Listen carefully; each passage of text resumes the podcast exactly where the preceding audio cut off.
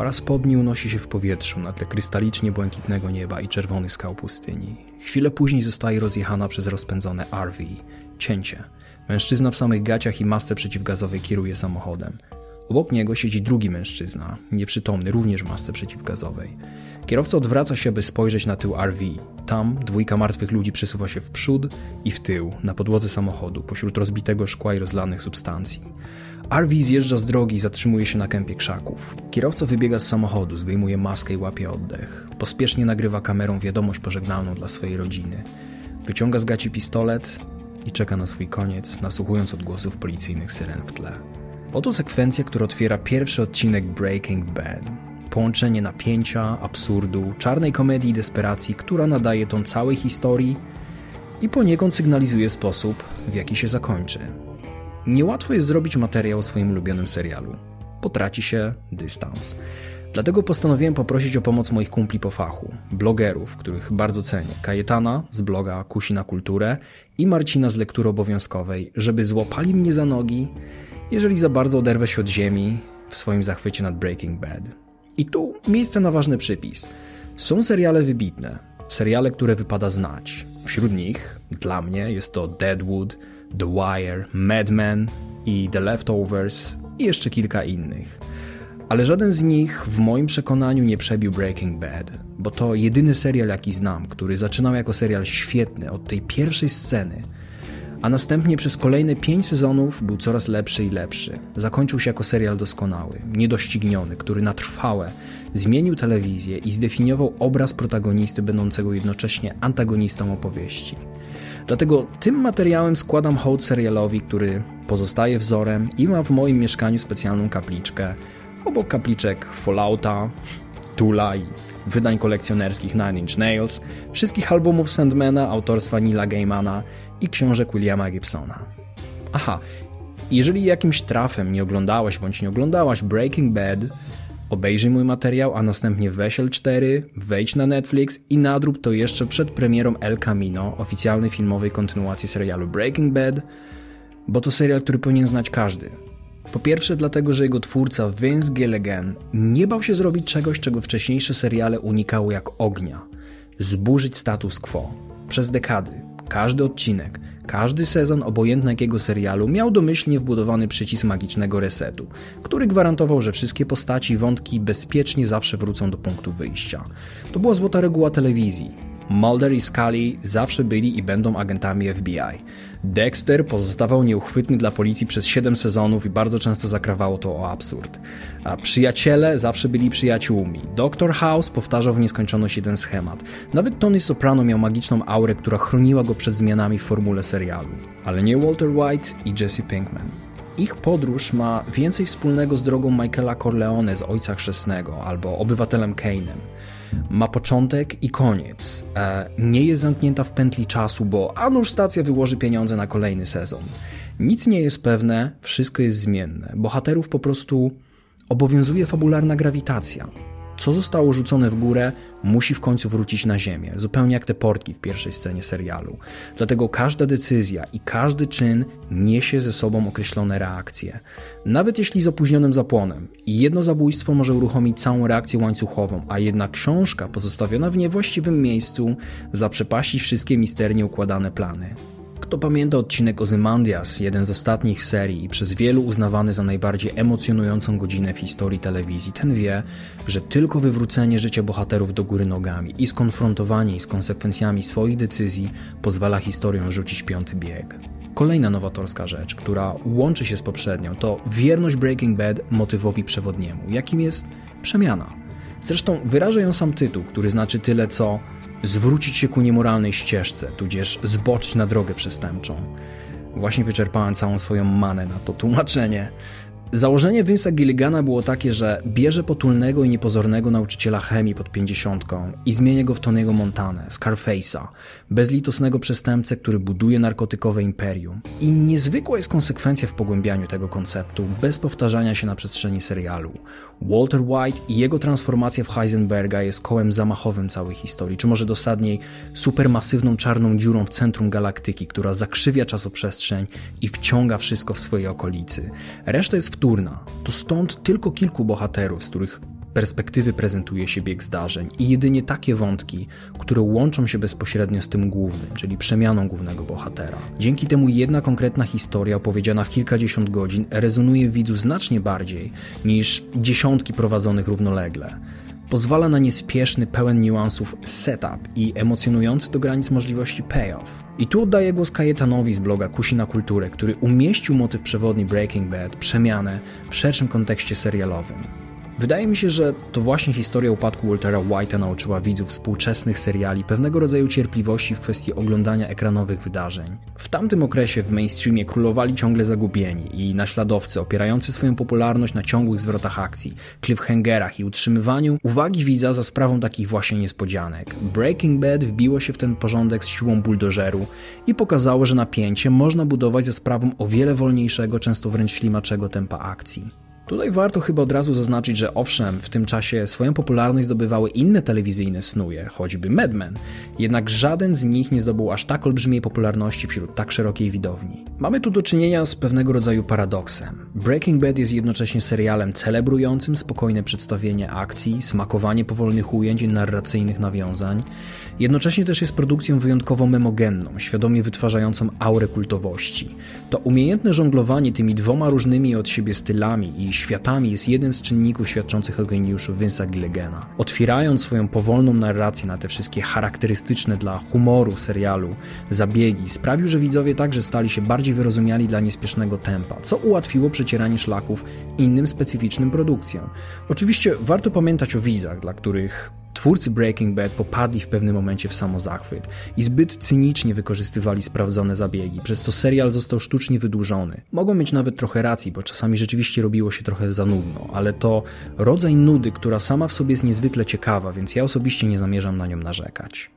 Tutaj już ja, Filip, pozwolę sobie dorzucić swoje trzy grosze. Rzeczywiście, niektórzy mogą mówić o dużyznach, w szczególności w pierwszym sezonie i jego pierwszych kilku odcinkach. Ponadto, tak jak zaznaczył Kajetan, Breaking Bad zdarzały się odcinki, które nijak nie posuwały naprzód samej fabuły, a koncentrowały wyłącznie na pogłębieniu psychologii postaci, co stanowiło jeden z uroków tego serialu, a i tak Zdarzały się one rzadziej niż na przykład w Deadwood, czy także wspomnianym przez Kajetana Snuju, podobało mi się to słowo Madman. Ale właśnie, a propos psychologii bohaterów, to jest trzeci element, tuż po śmiałości w burzeniu status quo i wierności motywowi przewodniemu, któremu hołduję, wracając pamięcią do tego wspaniałego serialu. Gdyby ktoś powiedział mi, hej stary, obejrzyj ten serial, w którym chory na raka nauczyciel chemii gotuje metamfetaminę z pomocą nieco przegłupiego ćpuna, to pewnie wolałbym oglądać zapętlony szósty sezon Lost na telefonie, jadąc starym PKP z Mielna do Zakopanego, zimą i bez ogrzewania bo na papierze ten zarys fabuły po prostu brzmi niedorzecznie.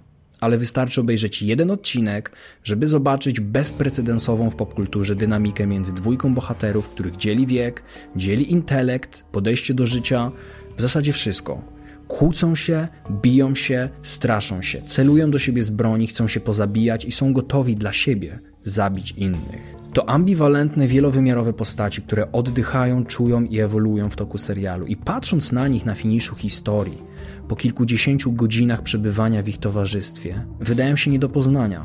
Jedynie prześwitują przez nich skrawki przeszłych wcieleń. I ich motywacje są zrozumiałe, spójne choć złożone. Walter White nie jest produktem nieludzkiej służby zdrowia w Ameryce i to nie rak ani troska o bezpieczeństwo rodziny jest tym, dlaczego robi to, co robi.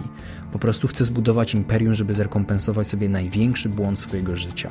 Jesse Pinkman nie ćpa, bo lubi Śpa, bo czuje się w życiu przegrany, a każde kolejne światełko w tunelu okazuje się kolejnym jadącym wprost na niego pociągiem. Skyler White, czyli żona Waltera, oczekuje od swojego męża prawdy, nawet jeżeli jest ona przerażająca.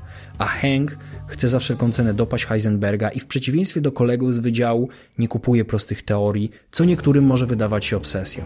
I tutaj łyżka dziegciu od Marcina z bloga Lektura Obowiązkowa, któremu teraz oddaję głos. Nie daje mi spokoju jedna rzecz. Bezsprzecznie mówimy o jednym z najlepszych seriali w historii telewizji, zgadza się, rzadkiej produkcji, która z sezonu na sezon staje się coraz lepsza. Nie wypada mówić o niej źle i ja też nie mam takiego zamiaru. Chcę jednak zwrócić uwagę, że często rzeczy otoczone kultem odzieramy z ich prawdziwości, tego, że są naznaczone ludzkimi błędami i mimo wszystko mają wady. Breaking Bad też je ma. Jakie? Choćby fakt, że jest to serial na wskroś seksistowski. Taki, w którym rola kobiet została sprowadzona do swego rodzaju narracyjnych mebli, rekwizytów, których obecność to nic innego jak kolejny element kształtujący głównych bohaterów, nie zaś samodzielny byt. Ani Skyler, ani Jane nie mają w toku fabuły żadnego punktu zaczepienia, który byłby oderwany od mężczyzn. Dodatkowo są fatalnie wręcz napisane. Muszę, ja jako Filip, dodać tutaj jedną rzecz. Oczywiście, jak tylko przeczytałem komentarz Marcina, to włączyło mi się wyparcie. I mimo, że nadal nie do końca się zgadzam, uważając chociażby Skyler za dobrze napisaną i samodzielną postać, to wiem, że można było postaci kobiece w Breaking Bad napisać lepiej. A przynajmniej inaczej. Czemu? Bo oglądam Better Call Saul, spin-off Breaking Bad autorstwa tego samego scenarzysty Vince'a Gilligana, w którym to Better Call Saul postać Kim Wexler jest po prostu napisana lepiej i ma własny, w dużej mierze autonomiczny wątek fabularny. Być może Gilligan dojrzał jako scenarzysta, dochodząc do podobnego wniosku co Tomek. A być może Breaking Bad, jak wspomniałem, był opowieścią jednej postaci, wokół której inne musiały krążyć, jak wokół czarnej dziury. Ale wracając do komentarza Tomka, który nie dotyczy tylko i wyłącznie płytkości postaci kobiecych. Wszyscy źli bohaterowie ostatecznie są niezwykle jednowymiarowi w tym całym swoim byciu złym. To oczywiście świetnie się ogląda, ale jako postacie nie są uformowani. Nie ma w nich elementów, które posiada choćby Walt, Saul, czy w mojej opinii najlepsza postać serialu Mike. Tymi elementami są choćby motywacje inne niż te, które są oczywiste, wady, błędy w Matrixie, które sprawiłyby, że postać jest jakoś tak bardziej realna. To właśnie dzięki temu tak bardzo podoba nam się Walter czy Saul. Innym bohaterom, kobiecym czy złym, tych elementów brakuje. Nie zmienia to oczywiście faktu, że Breaking Bad to rewelacyjnie zestrojona maszyna. Serial, który nie bierze jeńców i długo pozostanie niedoścignionym wzorem. Jego wady, choć obecne, tego faktu nie zmienią. Może nawet dzięki nim Breaking Bad się udało, bo przecież nie ma rzeczy idealnych. No, Marcin, wiesz, ja cię lubię, bo nawet jak plujesz mi na kapliczkę, to myślę, że to deszcz i zaraz wyjdzie tęcza. A tak serio, zgadzam się. Walter, Jesse, Hank i Saul to bohaterowie, którym scenarzyści wyraźnie poświęcili więcej pracy niż postaciom żeńskim oraz złym charakterom. Jedyne wyjątki, które jednak potwierdzają regułę, to wspomniana Skyler i Gustavo Fring.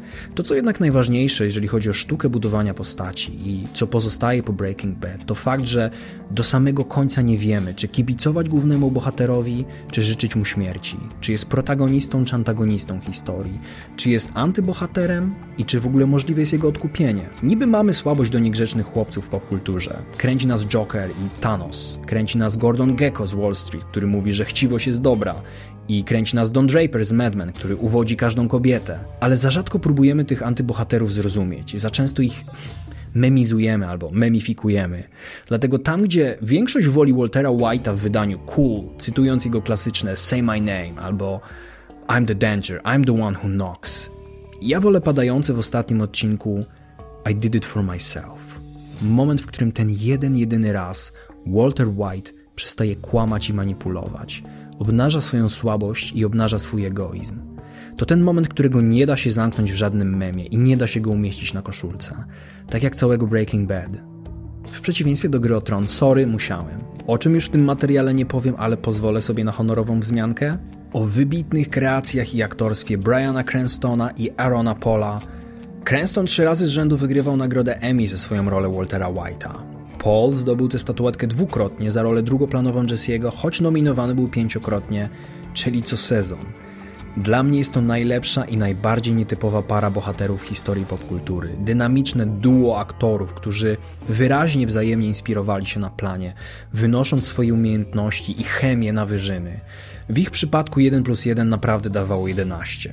I honorowa wzmianka o postaciach drugoplanowych Sola, Majka i Gasa Fringa. Mogę tylko powtórzyć, poza Breaking Bad polecam również Better Call Saul, której to trójce właśnie poświęcony jest ten spin-off. Honorowa wzmianka o muzyce i motywie głównym, który otwierał serial i który już zawsze będzie wywoływać banana na mojej twarzy, tak jak teraz, kiedy tylko słyszę ten bas. O scenerii Nowego Meksyku, zdjęciach i pustynnej atmosferze, która wydaje się całkowicie niekonwencjonalnym miejscem do opowiedzenia jakiejkolwiek historii, która nie jest westernem a Breaking Bad z westernu czerpał tyleż odważnie, co subtelnie.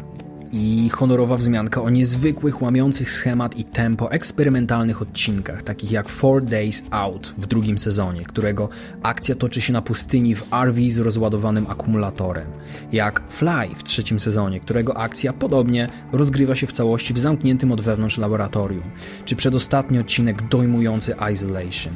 Tymi eksperymentami Breaking Bad gdzieś niezależnie od odjazdów Davida Lyncha wyznaczało nowe sposoby opowiadania historii w telewizji, która nie jest ograniczona czasowo i nie musi jednocześnie dreptać fabularnie w miejscu. No i oczywiście masa scen, które zapamiętam na lata, jeżeli nie na zawsze. Aby nie spoilować tym z Was, którzy nie widzieli serii, będę mówił szybko i hasłowo. Tytułowa jedna końcowa minuta na parkingu przed centrum handlowym w odcinku One Minute.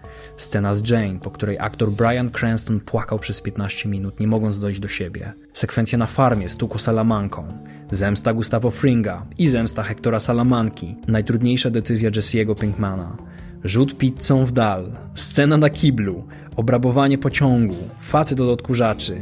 Cały Ozymandias i ostatnie spotkanie. Ach, Tyle wspomnień, coś pięknego. Nie mogę doczekać się El Camino, które już zaraz ukaże się na Netflix i którego recenzji wyczekujcie jeszcze w tym tygodniu. I cały czas śledzę, oglądam i wspieram Better Call Saul, które wypracowało swój własny, niepowtarzalny, inny od pierwowzoru styl, jednak z tym charakterystycznym pierwiastkiem Breaking Bad. Serdeczne dzięki dla moich kumpli Marcina Tomaszewskiego i Kajetana Kusiny za wartościowe komentarze do tego odcinka. Ich blogi, lektura obowiązkowa i Kusi na kulturę cholernie Wam polecam i znajdziecie je w deskrypcji deskrypcji poniżej. Jeżeli macie przemyślenia, wspomnienia czy emocje do wyrzucenia w kontekście Breaking Bad, sekcja komentarzy jest wasza, możecie liczyć również na mój udział. I pamiętajcie, żeby subskrybować bez schematu. Na YouTube kliknięcie dzwoneczka obok przycisku subskrybuj robi naprawdę dużą różnicę, bo wówczas faktycznie dowiecie się o nowych odcinkach, które wrzucę na vloga. I także z tego miejsca serdeczne dzięki dla wszystkich osób, które wspierają mnie na Patronite. Każdy z Was może dołączyć do grupy VIP bez schematu, każdy z Was może mnie wspierać w zamian za ciekawe, fajne benefity, w tym nietypowe, no bo w końcu bez schematu, treści ekskluzywne. I pamiętajcie także, żeby sprawdzić inne analizy na moim vlogu czy podcaście.